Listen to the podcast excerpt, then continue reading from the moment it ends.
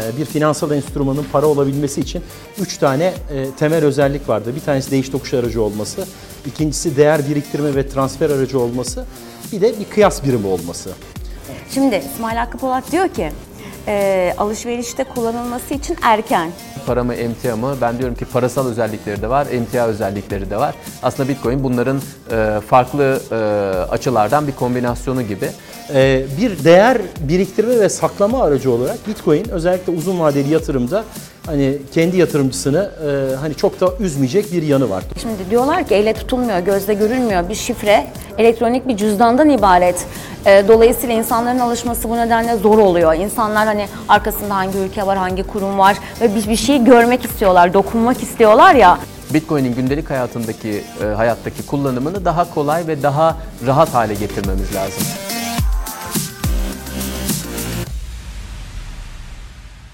Kriptometre'de karşınızdayız. Geleceğin finans sistemini, e, kripto paraları konuşuyoruz. Önümüzdeki 5 yıl sonra ve daha sonraki yıllarda acaba neler değişecek bizim para durumumuzda? E, onu aktarmaya çalışıyoruz geleceği konuşurken. Kim var bugün e, konuklarımız arasında? Kadir Has Üniversitesi Yeni Medya Bölümü öğretim görevlisi. Doğru mu söyledim efendim? Aynı zamanda Dijital Dönüşüm Derneği Başkanısınız. Gelecekle ilgili konularda size sık sık başvuruluyor teknoloji konularında. Gençler de sizi çok seviyor. E, dolayısıyla bizi seyredenlere bakalım ne diyeceksiniz derken İsmail Hakkı Polat'la birlikteyiz ve BTC Türk CEO'su Özgür, Özgür Güner'e hoş geldiniz. Hoş bulduk, merhabalar. E, beraber e, bugün e, dijital dönüşümü, geleceğin finans sistemini konuşurken bize bir 5 yıl sonrasını söyleyin desem hemen ne dersiniz? Şey diyeyim Çok kolay bir soruyla başladık. e, John McAfee gibi canlı yayında böyle bir iddiayla giriyor. Diyeyim böyle hani 500 bin dolar falan gibi bir şey yani canlı yayında onun meşhur bir şeyi var. 5 yıl sonra sizi izleyecek olanlara da Ee, bir... şöyle hemen şeyi söyleyeyim. Mesela 5 yıl sonra Bitcoin olacak bence. Kesinlikle olacak. Aha nasıl olacak o önemli. Ee, yani benim kendi düşüncem e, Bitcoin bir para birimi değil de bir e, daha böyle e, altın karakterisine evrilmiş bir dijital varlık olarak yer alacak. Siz diyorsunuz ki eee, coin dijital altın. Evet. Bitcoin e, hani e, yani genel olarak işte para teorilerinde e, işte bir e, şeyin e, bir finansal enstrümanın para olabilmesi için üç tane e, temel özellik vardı. Bir tanesi değiş tokuş aracı olması, ikincisi değer biriktirme ve transfer aracı olması, bir de bir kıyas birimi olması. Şimdi e, Bitcoin'in şu andaki ve e, hani geleceğe doğru giden e, şeyine baktığımızda, e, eğilimlerine, trendlerine baktığımızda birincisi e, oynak, çok oynak e, şeyi, karakteristiği. E, bunu böyle bir değiş tokuş aracı olmaktan alıkoyuyor. Yani Türkiye'de işte mesela kasap döner bir ara şey yapıyordu, Bitcoin kabul ediyordu. Fakat hani son dönemde de belli yerlerde kabul ediyor ama hani yemeğin başındaki değerle sonundaki değer farklılaştığı için ne kadar para harcayacağınızın bile hani biraz daha böyle şey olduğu, belirsiz olduğu ve hani insanların da bu amaçla kullanmasının önüne bunun da bir ket vurduğu, engel olduğu bir şey var birincisi değiş Yani şöyle mi diyorsunuz, eee, dönercide eee, coin, bitcoin geçerli olacaksa eee, dönerin değeri eee, siz yemeye başlarken ve bitişte hızla değişebiliyor. Yani- daha değerli de yiyebiliyorsunuz, daha ucuz da olabiliyor falan. Ha yani ya da akşamleyin işte e, mesela e, işte geçtiğimiz haftalarda yaşandığı gibi bir gecede iki saat içinde bin dolar düşüyor Bitcoin mesela. Ya da işte Döner pul oluyor. Ha yani döner Allah keşke yemeseydim o döneri falan diye. İşte o son porsiyonu yemeyecektik falan gibi böyle espriler yapabiliyorsunuz. Bir kısmı bu. İkinci kısım e, bir kıyas aracı olması. Yani işte e, bu ilk çağlardan beri özellikle işte takas paranın ilk çıktığı zamanlarda hani e, iki tane dana verip karşılığında azıcık buğday alma falan gibi böyle birbiriyle eşit olmayan şeyler arasında aslında bir kıyas birimi olarak kullanılıyordu para. E şimdi baktığımız zaman e, Bitcoin'in bu kıyas birimi e, konusuna da bu değiş tokuş aracı vasfının bu kadar oynak olması dolayısıyla bir kıyas birimi olarak da bu değişkenliği buna da ket vuruyor. E, ama üçüncü olarak çok önemli bir şey var. Her ne kadar e, bu konuda gençlerle de çok tartışsam da e, bir değer biriktirme ve saklama aracı olarak Bitcoin özellikle uzun vadeli yatırımda hani kendi yatırımcısını e, hani çok da üzmeyecek bir yanı var. Dolayısıyla e, şu andaki hani trendlere baktığımızda özellikle işte Amerikan piyasalarında Bitcoin ile ilgili önce Chicago borsasındaki bu kaldıraçlı işlemlere ya da vadeli e, işlemlere girmesi. Şu anda da bu e, konjonktürde tartışılan işte kimi zaman reddedilen işte kimi zaman kabulüne yaklaştığı ya da itirazların olduğu kamuoyundan itirazların geldiği Exchangeable Trade Funds ETF yani işte değiştirilebilir e, e, al satı yapılabilir fonlara dönüşmesi Bitcoin'in. E, o kısımda e, eğer onlar gerçekleşirse işte o zaman Bitcoin e, biraz daha istikrarlı ve şey yatırımcısına e, hani daha yüzünü güldürebilen bir e, şey aracı olarak değer biriktirme ve en önemlisi de tabii değer transfer aracı Bitcoin. Yani birincisi e, işte sistemle ilginizi kesebiliyorsunuz. İşte mesela 2014 yılında Kıbrıs Rum kesimindeki ekonomik krizde bankaların kapatılması sonucunda işte orada uyanık iki tane e, şey Bitcoin girişimcisinin oraya koyduğu iki tane Bitcoin ATM'si insanların bankalar açıldıktan sonra paraları oradan alıp doğrudan hani hepsinin değil ama önemli bir e, kısmının daha doğrusu önemli bir Bitcoin yatırım mı yapılmasına sebep oldu orada. Bitcoin'in ilk çıkış şeylerinden birisi odur. İşte Venezuela'daki yüksek hiper enflasyonla paranın pul olması, yine Hindistan'da rupinin işte en yüksek 1 milyon dolarlık 1 milyonluk rupinin e, tedavülden kaldırılması sonucunda işte yastık altının ortaya çıkartacağını düşünen hükümetin bir anda oradaki bitcoin şeylerin yatırımlarını patlatması. E, bunun gibi şeyler ama en çok kullanılan son döneme kadar en çok kullanılan vasfı aslında Çinliler tarafından. Yani Çin'deki ihracatçıların e, paraların bir kısmını yurt dışında bırakmak için örneğin işte yaptıkları 100 milyon dolarlık ihracatın e, işte %80'ini kendi e, ülkelerin içindeki yuan hesaplara e, yatırtması, kalan kısmı da Bitcoin olarak işte Japonya üzerinden e, alım satımda kullanılması gibi böyle bir takım şeyler sonucunda Bitcoin'in hacmini de şeyi de son 2-3 senede büyüten bence en büyük faktör bu.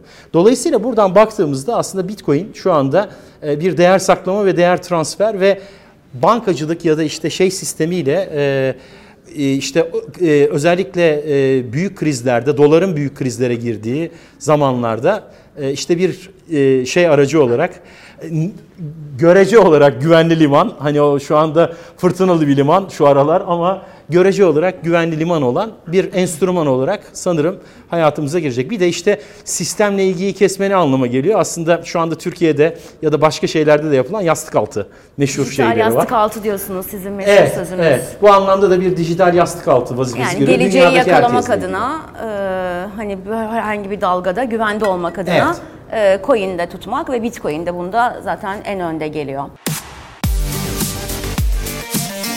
Merhaba arkadaşlar. Ee, BTC Türk'ün benim için hazırladığı 5 tane soru var. Şimdi şu anda siz görüyorsunuz ama ben göremiyorum. Tekrar bunu e, koyayım ve en ortadakini çekip başlayayım bakalım neymiş. İlk soru, katıldığınız bir düğünde Bitcoin takar mısınız? Ee, Bitcoin'im olmadığı için takamayacağım ama altcoin takabilirim. Şimdi İsmail Hakkı Polat diyor ki e, alışverişte kullanılması için erken. E, o dönerin e, yerkenki değeri e, anında değişiyor. Bu kadar hani oynak olunca zor alışveriş için şimdilerde. Katılıyor musunuz? Ee, Dij- Daha çok Burada- saklama, e, dijital altın gibi görülebilir diyor. Oraya doğru gidiyor diyorum Ve ama. transferde tabii. Şimdi iki tane burada e, nokta var. Bunlardan ilki aslında değerinin aşırı dalgalı olması bir yandan e, çok etkiliyor harcama kararını. Çünkü harcamak da bir nevi aslında bir yatırım kararı gibi elinizdeki varlığı farklı bir nedenden ötürü elinizden çıkarmanız anlamına geliyor Bitcoin'inizi harcamanız. Özellikle geleceğe ilişkin Bitcoin'i alıp tutan, ona inananların değerleme olarak kafalarındaki rakamdan hala uzak olmalıyız ki e, gündelik hayatta harcamayı tercih etmiyorlar. Ben bunun geçerli bir neden olduğunu düşünüyorum. Yani aynı hocamın dediği gibi e, dönerin tam tersi e, işte ilk pizza örneği var. E, 2010 yılında e, bir pizzayı milyonlarca dolara e, bugünkü değerlemelere bakıldığında yemiş bir duruma kimse düşmek istemiyor anladığım kadarıyla. E, ya ben bir e, dürüm yemiştim e, 1 milyon dolardı falan gibi bir şeye gitmemek için. Bir de tabii e, aslında bizim kullanıcı deneyimi anlamında Bitcoin'in gündelik hayatındaki e, hayattaki kullanımını daha kolay ve daha rahat hale getirmemiz lazım. E, hep aynı e-mail örneğini veriyorum. E-mail kurmak 90'larda çok ciddi teknik bilgi gerekti ve destek gerektirirken şimdi birkaç saniye içerisinde eğer almak istediğiniz e-mail adresi müsaitse rahatlıkla cep telefonunuza e-maili kurup e-mail alıp e, göndermeye başlıyorsunuz. Dolayısıyla bu iki faktörün Bitcoin'in bugün için e, çok rahat bir şekilde kullanıma adapte e, olmasının önündeki engeller olarak e, düşünüyorum. E, ben Bitcoin'in en çok sevdiğim yanlarından bir tanesi açıkçası hem e, şartlar oluştuğunda e, harcama yapabilmek için çok ideal bir yöntem. Sınırlar yok. İnternet nasıl global ticareti, e, bu fiziki mal olabilir, hizmet olabilir, özgürleştirdiyse Bitcoin'in de bu yeni ekonomik düzende ödemeleri özgürleştireceğini, daha kolay hale getireceğini düşünüyorum ve inanıyorum. O yüzden o boyutu her zaman saklı bir kenarda duruyor. Bir yandan da aynı yine hocamın dediği gibi bunun bir değer saklama veya değer transfer aracı olarak da kullanılması mümkün. O yüzden e, doğrudan bana sorduklarında para mı emtia mı? Ben diyorum ki parasal özellikleri de var, emtia özellikleri de var. Aslında Bitcoin bunların e, farklı e, açılardan bir kombinasyonu gibi. E, ama gelecek tabii belirleyecek. Yani e, gerçekten bir para birimi gibi daha çok gündelik hayata mı girecek yoksa değer saklama aracı mı olacak? E, onu biraz da önümüzdeki günler global ekonomik e, düzendeki değişimler, riskler, fırsatlar belirleyici olacak. Biz görmeyecek miyiz o alışveriş? Ee, Günlük yani hayata görebiliriz. Neden biliyor musunuz? Çünkü şey, yani görebiliriz derken e, hani hiç alışveriş yapılmıyor anlamına da gelmiyor bu arada bu. Neden olduğunu söyleyeyim size. Şimdi Ama zaten güzel bir örnekle anlattınız. Dönere indirdi. Ha, ha. Yani bir de şöyle bir şey var. Mesela şu anda BACT diye bir e, New York Stock Exchange tarafından kurulan e, bir girişim var. E, bu girişim şunu yapıyor. E, size bir kart veriyor. E, kredi kartı, daha doğrusu debit kart gibi bir şey bu. E, şimdi ön yüzündeki e, harcamalar aslında daha doğrusu e, o sizin Bitcoin hesabınızla eşleştiriyorsunuz ve oradaki Bitcoin'inizden e, sizin harcamalarınız doğrultusunda para transfer ediyor. Firma sizden Bitcoin tahsil ediyor ama şu anda iki tane çok büyük üyesi var. Bir tanesi Starbucks, e, bir tanesi Microsoft. Kasım ayında şeye başlayacak, işlemlere başlayacak. Dolayısıyla siz Starbucks'a gittiğinizde dünyanın neresinde olursanız olun bir şey ödediğinizde kahve için o BACT kartı üzerinden e, para ödediğinizde o sizden e, o riski, tahsilat riskini alıp mutlaka onun da hesabı vardır. alıp sizden Bitcoin tahsil ederken e, Starbucks'a dolar ya da işte hangi ülkenin birimi ise onun üzerinden ödeme yapıyor.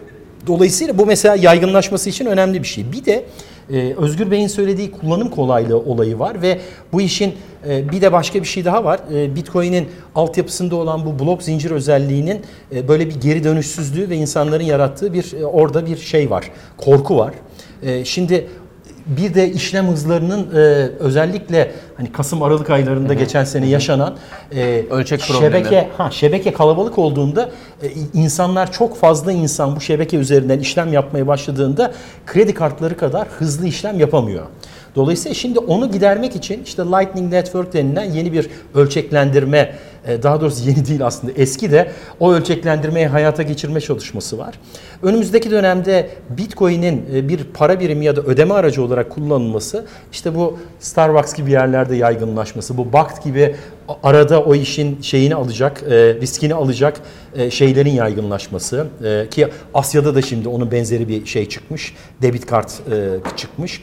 E, yine bu Lightning Network dediğimiz şeylerdeki işte ona yatırım yapan e, ve onun sağlayıcısı olan e, ve şebekeyi hızlandıracak ve hani normalde mesela kasap dönerde döner için şey yaptığınızda bir de e, ödeme yapmak istediğinizde şöyle bir sorun ortaya çıkıyor. Hani kredi kartında ne yapıyorsunuz? Gidiyorsunuz ödüyorsunuz ve ondan sonra en fazla bir dakika beklersiniz çok kalabalık olduğunda. Ama burada 20-25 dakika bekleme şeyiniz var. Belki de hani çok kalabalık olduğunda iki gün bekleme durumunuz var. Şimdi böyle bir hesap tahsilatında böyle bir şey kullanamazsınız. Dolayısıyla hani bu açılardan Bitcoin şu anda biraz daha hantal bir şey olarak görünüyor. E, Kayıt zinciri ağı olarak görünüyor. Ama tabii bunun üzerinde yine şey var. Çünkü hani benim Bitcoin ile ilgili bir de bir şeyim var. Bu Game of Thrones'tan esinlenerek Bitcoin e, Mother of Dragons yani ejderhaların anası. Dolayısıyla hani o anlamda da ne yapacağı hiç Ne belli yapacağı olmaz. belli Bakalım olmaz. Game Thrones'un teknoloji ne olacak? hızlanabilir ve e, Evet. şu anda kullandığımız kartları geride bırakabilir. İkinci soru hangi coin olmak isterdiniz? Vay sağlam soruymuş ya. Ee, Valla Nano ya da Holo e, chain olmak isterim. Blockchain e, değil, blockchain sonrası graf yapısına, e, şebeke yapısına sahip olması nedeni de. Eskiden e, şöyle bir şey, şimdi diyorlar ki elle tutulmuyor, gözle görülmüyor bir şifre elektronik bir cüzdandan ibaret. E, dolayısıyla insanların alışması bu nedenle zor oluyor. İnsanlar hani arkasında hangi ülke var, hangi kurum var ve bir, bir şeyi görmek istiyorlar, dokunmak istiyorlar ya. Aslında e, para bu para kartlarla da alışveriş e, o kadar azdı ki birden Tabii. çok yaygınlaştı. Tabii. Dolayısıyla her şey bir anda olurken bunun da bir anda olma, dönüşme şansı Hızlı ihtimali olacağı var. Kesin ve e, şu anda son 100 yıllık e, insanoğlunun yaşadığı değişim ve dönüşüme bakacak olursak aslında o dönüşümün hızı da her konuda gittikçe e, hızlanıyor. Yani ilk plağın e, 1 milyoncu plağa ulaşması, sonrasında 1 milyonuncu işte CD'ye ulaşması, sonrasında 1 milyonuncu download'a ulaşmasının hızının e, böyle eksponansiyel bir şekilde artıyor olması açıkçası beni geleceğe ilişkin olarak e, daha pozitif bakmaya neden oluyor. Ama burada tabii bir diğer faktör ölçek. Ee, hocamın da aynı bahsettiği gibi o ölçek tarafında gelişmeler oldukça aynı internette olduğu gibi adaptasyonun da daha hızlı olacağını düşünüyorum. Bir de e, bu e, alışveriş konusunda ve değer saklama konusunda aslında biz Türkler bunu geçmişte yaşadık. Yani enflasyonun ve faizin üç haneli olduğu zamanlarda e, o zamanları yaşayanlar az çok hatırlardır. E, maaşı aldığınızda ya gidip dolar alırdınız çünkü o da enflasyon kadar artardı veya faize yatırırdınız. İhtiyacınız oldukça harcardınız. Harcardınız, Ee, Bitcoin'de biraz onun gibi aslında. Yani değeri e, anlaşıldıkça ve ortaya çıktıkça, kullanım daha fazla oldukça insanların paralarının artan bir kısmını belki de Bitcoin'e yatıracağı, onun içerisinden zaman içerisinde yavaş yavaş harcayacağı. Çünkü e, Bitcoin enflasyonu da kısıtlı ve son derece düşük. O anlamda gelecekteki değer saklama e, yönünü de oldukça kuvvetli hale getiriyor. Şöyle bir şey var. Son bir şey ekleyeyim. Tabii biz hep Bitcoin'den konuşuyoruz da bu arada 1900'e ulaştı şu anda. 1900 tane de Bitcoin'i model alan ya da o modelden ayrılan, o modelin üzerinde bir şeyi şey yapan, koyan e, kripto para şeyleri var, girişimleri var. Dolayısıyla hani şu anda baktığımız örnekler içinde bile Bitcoin'den çok çok daha iyi olan ama daha değerini bulamamış şeyler var. Kripto paralar var. Sizce mesela altcoin'lerden biri çıkıp Bitcoin'i geçebilir mi? Gelecekte Yani birkaçı da geçebilir. Şu anda mesela hani biz hep e, bu hani hep şu konuşuluyordu. Bitcoin ilk zamanlarında hep böyle işte kara paraya hizmet ediyor. Hala da konuşuluyor Ha, onu falan. da demin Ha, konuştuk ya. ha. Burada mesela şu var. Şu anda Bitcoin kara para şeyi falan yok. Hani Bankaya bağlandığınız yerde siz hani blockchain'deki bütün hareketleriniz görünüyor zaten. bırakın kayıt onu zincirinde. şeffaflığı yatırımcıyı Ha, itiyor falan Aynen öyle. diye ama, Serdar mesela anlattı. kendi parasının, kendi şeyinin kayıtlarının görünmemesiyle ilgili sıkıntısı olanlar için de böyle Monero, Zcash gibi bir takım par şeyler var, paralar var. Daha da anonimleştiren paralar var.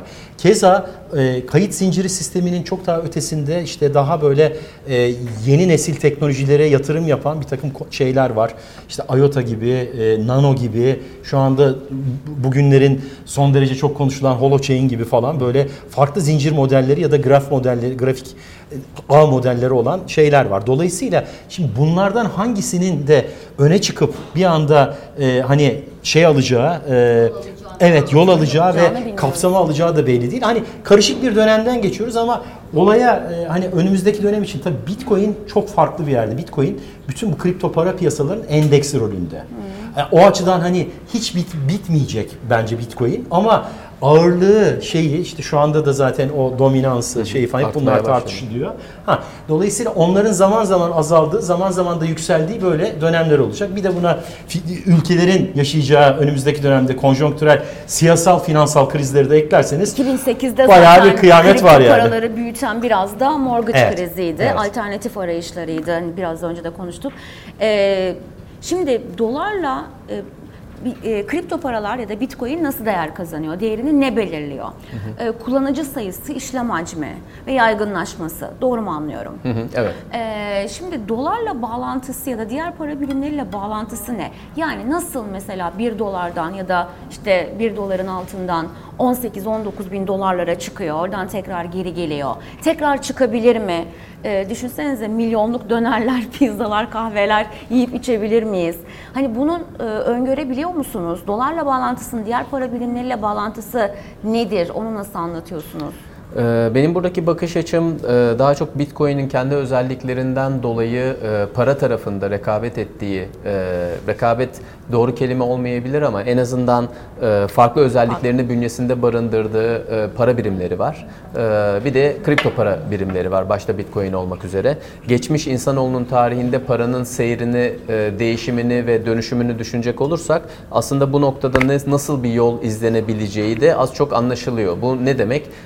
E, bakıldığı zaman Bitcoin'in adaptasyonu, daha çok kişinin kullanıyor olması ve e, şu anda yaşadığı bazı yapısal değişim ve dönüşümü sorunları aşarak e, yeni bir yola, yeni bir rotaya doğru oturursa ki belki de birkaç yıl sonra adı Bitcoin olacak ama altındaki sistem e, o günün koşullarında ilk çıkan Bitcoin'e göre çok daha farklı bir yerde olacak. Daha hızlı, daha farklı. Aynen. Daha Dolayısıyla faydalarının e, kullanıcı tarafından görülmesi ve daha tercih edilebilir bir varlık haline geliyor olmasının ben değerini çok olumlu etkileyeceğini düşünüyorum.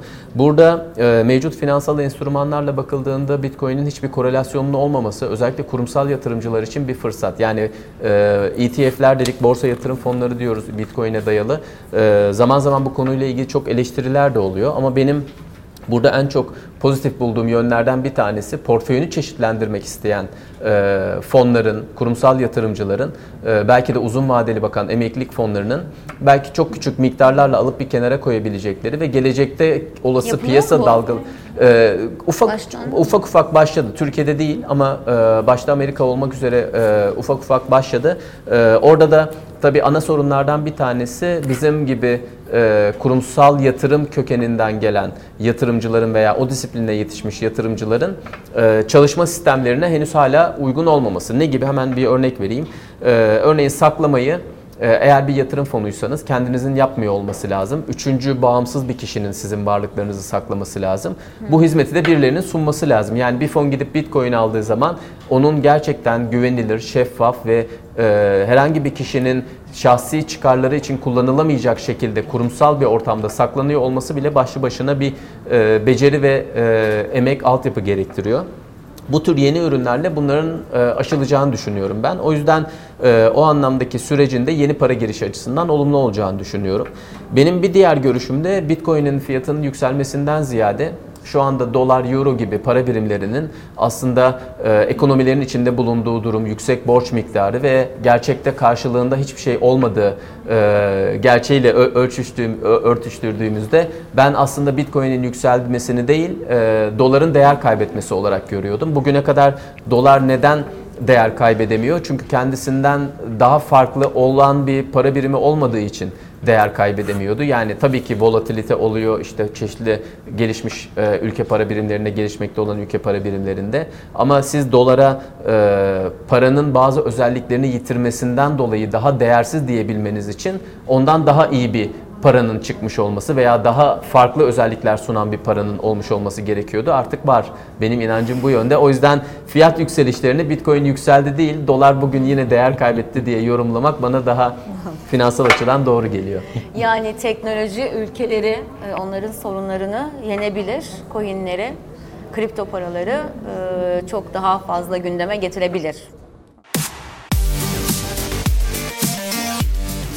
Bitcoin'i bir cümle içerisinde kullanabilir misiniz? E, kullandım zaten.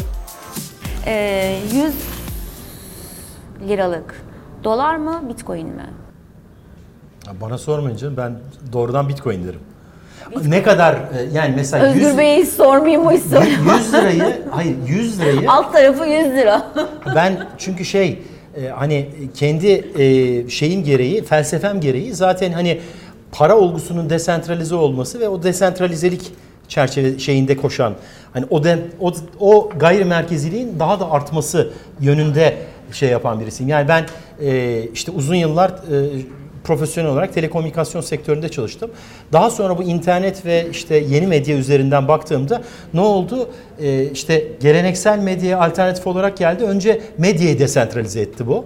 Network arkadan şimdi parayı desentralize ediyor. Şirketleri desentralize edecek. Dolayısıyla bu gayri merkezileşme zaten doğal olarak o network'ten bize doğru, o internet üzerinden bize doğru geliyor. Hani işin doğasında öyle gideceği için zaten yatırım aracı olarak şey ama hani tatile gidiyorsunuz e, diyelim. E, o zaman 100 euro alın yani. Şey hani Bitcoin'e harcama şeyi e, ne derler? Hani ATM bulacaksınız, geçireceksiniz, şey yapacaksınız ama yatırım yapacaksınız ve uzun vadeli yapacaksanız Yatırım için. Ha yatırım için ama ben yatırım için şunu söylüyorum. Yani yatırım için yatırım tavsiyesi vermiyorum. Para Ama- biriktireceğiz Ha, işte. Ama şunu şey yapıyorum. Para biriktirecekseniz eğer e, ve burada Bitcoin çok oynak bir şey. İşte geçtiğimiz günlerde bakın şeyi söylüyorum. 1000 dolar bir gecede 2 saatte 1000 dolar yani işte e, 6500 lira. Ha, neredeyse. 6500 lira 2 saat içinde düştü fiyatından. Şimdi dolayısıyla burada insanlar için mesela Bitcoin'i hiç bilmeyen insanlar gidip 18 de, binden alan var şu anda mesela bekliyor. ha gidip de işte evini arabasını satıp buna yatırmasın. Ben onu söylüyorum. Ya sen cüzdan açmayı bilmiyorsun. Borsadaki finansal okuryazarlığın şey değil. Ne yapıyorsun? İşte bizim köşedeki işte bilgisayarcının oğluna yapayım. Ya o şimdi o fiyat 2000 dolardan 18 bin dolara çıktığında o köşedeki bilgisayarcının oğlu sana o parayı verir mi? Ya da hani hepsiyle verir mi? Ya bir de bir de, bir de bunu düşün. Dolayısıyla e, burada öncelikle bir bilinç gerekiyor. O bilinci gösteremiyorsan o zaman hiç unutacağın, tamamen unutacağın, atıyorum şimdi mesela 500 liralık al Bitcoin. Bir dursun. Ama ha gidip 500 bin liralık yatırım yapma Bitcoin'e. Yani bilmediğin bir işe 500 bin liralık yatırma. Ha bütün bunları yalayıp yuttuysan şey yaptıysan milyonlar yatır. O orası benim için şey. Ben hala ona da şey yapmıyorum ama e, şunu söylüyorum. Bilmeyen insanlar ne olur önce öğrensinler sonra girsinler. Ya başkaları üzerinden vekaletle bu işe girmek son derece riskli, tehlikeli. Sonra o vekaleti verdiğiniz insanlar açısından da şey. Ya sana güvendik Bitcoin aldık işte. Şudur budur falan. Ya niye güveniyorsun kardeşim? Senin aklın yok mu? Bana soruyorlar şimdi hocam işte Ethereum ne olacak? E Ya bu kadar oynak kardeşim? olursa insan aklına da güvenemiyor yani. Akıl almaz ki bu İşte- oynaklıkları. işte onu söylüyorum. Siz doları yani bu seviyeye geleceğini öngörebilir misiniz? Ya, ya kimse öngörmüyor. Yani takip edenler e, şeyi Bitcoin'in de her türlü enstrümanın da nereye gelebileceğini aşağı yukarı görür. Ama bu konudaki bilinciniz okur yazarlığınız varsa görürsünüz. Ya ben şu anda okur yazarlığımın iyi olduğunu düşünen birisi olarak uzun vadede Bitcoin'in artarak devam edeceğini düşünüyorum. Ama hani bu insanlara yatırım yap demek değil. Ha, yani şunu da söyleyeyim. Mesela piyasadaki şu anda kripto paraların %90'ı falan da aynı 2001 yılında yaşadığımız dotcom krizi gibi çöpe atılacak. Yerine yeniler gelecek ama ye- yerine gelen yeniler çok daha güçlü gelecek. Yani hani şunu da söylemek lazım. Bitcoin kalacak bunların yani hani piyasada e, çok az coin kalacaksa şu anda çok az kripto para kalacaksa Bitcoin bunların bir numarası. Daha önce almış olduğunuz coinleri bulsanız ne yapardınız? Ee, daha önce e, almış olduğum değil de alamamış olduğum coinler var. Ee, örneğin e, 26 dolarken alamadığım bir 500 dolarlık şey var 2013'te. Ee, işte bunun da nedeni o zaman BTC Türk'ün olmamasıydı. Daha doğrusu Türkiye'de şey olmamasıydı. e, Bitcoin borsası olmamasıydı. Ee, ama bulsam o zaman 20 küsür Bitcoin yapıyor. Bayağı sağlam işler yapardım. Ee, elektrik tüketimi çok diye bazı ülkeler kovuyor, şikayet ediyor ya yenilenebilir enerjiyle üretim mümkün. Şöyle yeni jenerasyon kripto paralarda aslında enerji tüketimi hiç olmuyor. Çünkü şey madencilik olmayan kripto paralar var. Doğru. Hani bunun tabi desentralizasyonu ne kadar etkilediği ile ilgili de tartışmalar var ama e, günün sonunda hani e, biz eskiden e, bir network üzerinde işte Amazon, Facebook, Google gibi böyle bir takım e, şeylere gidiyorduk. Monarklara gidiyorduk. Yani oraların imparatorlarına gidiyorduk. Şimdi bu kayıt zinciriyle şeyle yavaş yavaş finans sektöründe olmak üzere e, bir gayrimerkezileşme başladı ama burada da e, bütün e, şeyin o kripto paranın kayıt zinciri konusunda işte biraz yazılımcılar ama daha çok o madenciler e, söz sahibi olmaya başladı.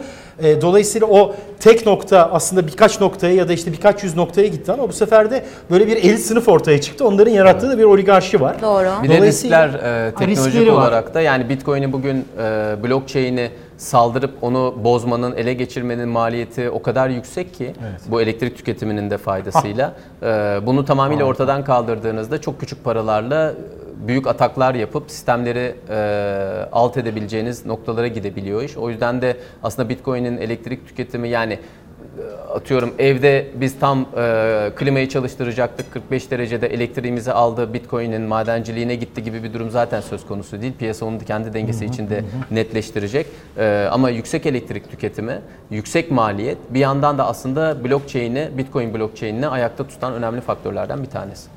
Burada belki şeye de değinmek lazım. Şimdi mesela Türkiye için bu olayı düşünürsek Türkiye'de e, şimdi Bitcoin madencilerin aradığı iki tane temel özellik var. Bir tanesi elektrik üretiminin fiyatının ve e, şeyinin depolaması ve e, onların hani bu işe dedikasyonunun e, düşük maliyetlerde olması lazım.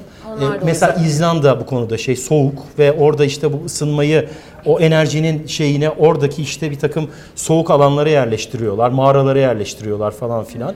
Ee, ikincisi de yani Türkiye o, o açıdan zaten çok sıcak bir ülke. Ee, Bu e, elektronik cihazların giderek sunucuların özellikle giderek daha da ısınmasına yol açıyor ve bunu soğutmanız için de çok ciddi para harcamanız gerekiyor.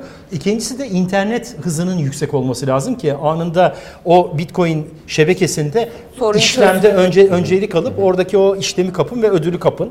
Dolayısıyla oralarda bu iki parametre arasında bir optimizasyon yapmanız lazım. O yüzden hani hem internet bağlantısı yüksek hem e, enerjisi ve enerji fiyatlaması düşük ülkeler dediğimizde işte İzlanda, Estonya'nın kırsalı, e, bazen işte şey e, Asya'daki internet hızı yüksek bir takım ülkeler işte ne bileyim Vietnam bazen olabiliyor, Kamboçya falan filan gibi. Kamboçya'nın gerçi hani internet şeyini bilmiyorum ama böyle bir takım optimum şeyler arıyorlar. Ülkeler arıyorlar. Dolayısıyla hani buralarda böyle bakmak lazım ama Ö- Özgür Bey'in söylediği çok önemli bir şey var. Ee, hani tüm bunları yaptığınız zaman bile o enerji tüketimi dediğiniz şey e, şu andaki işte e, finans sisteminin tükettiği enerji e, şeyinde bile e, hani şuradaki bankaların serverları bilmem ne? Dünyadaki falan bütün bile- bankalar, Ha. bütün güvenlik sistemleri, bütün finans sistemlerinde Bitcoin tek bir varlık gibi görüldüğü için bütün maliyet onda görünüyor. Ama e, blockchain'in doğasında olan güvenlik, hacklenemezlik düşünüldüğü zaman bunu sağlamak için global olarak harcanan elektrik, para, e, donanım, kaynak Birbirini çok çok daha yüksek. Ve son soru Bitcoin veya altcoin'iniz var mı? Valla çok küçük miktarda var. Ben yatırım yapmıyorum ama e, şey e, bir iki e, yurt dışındaki danışmanlık ödememi altcoin ile yaptılar. O yüzden yani onlar üzerinden bekliyoruz ama onlar da herhalde şu aralar kötü durumda. Dolayısıyla hani e, var mı? Var da yok aslında. Çok teşekkür ediyorum. Gelecek programda e, bir kez daha karşınızda olmayı diliyoruz. Buluşmak üzere. Hoşçakalın.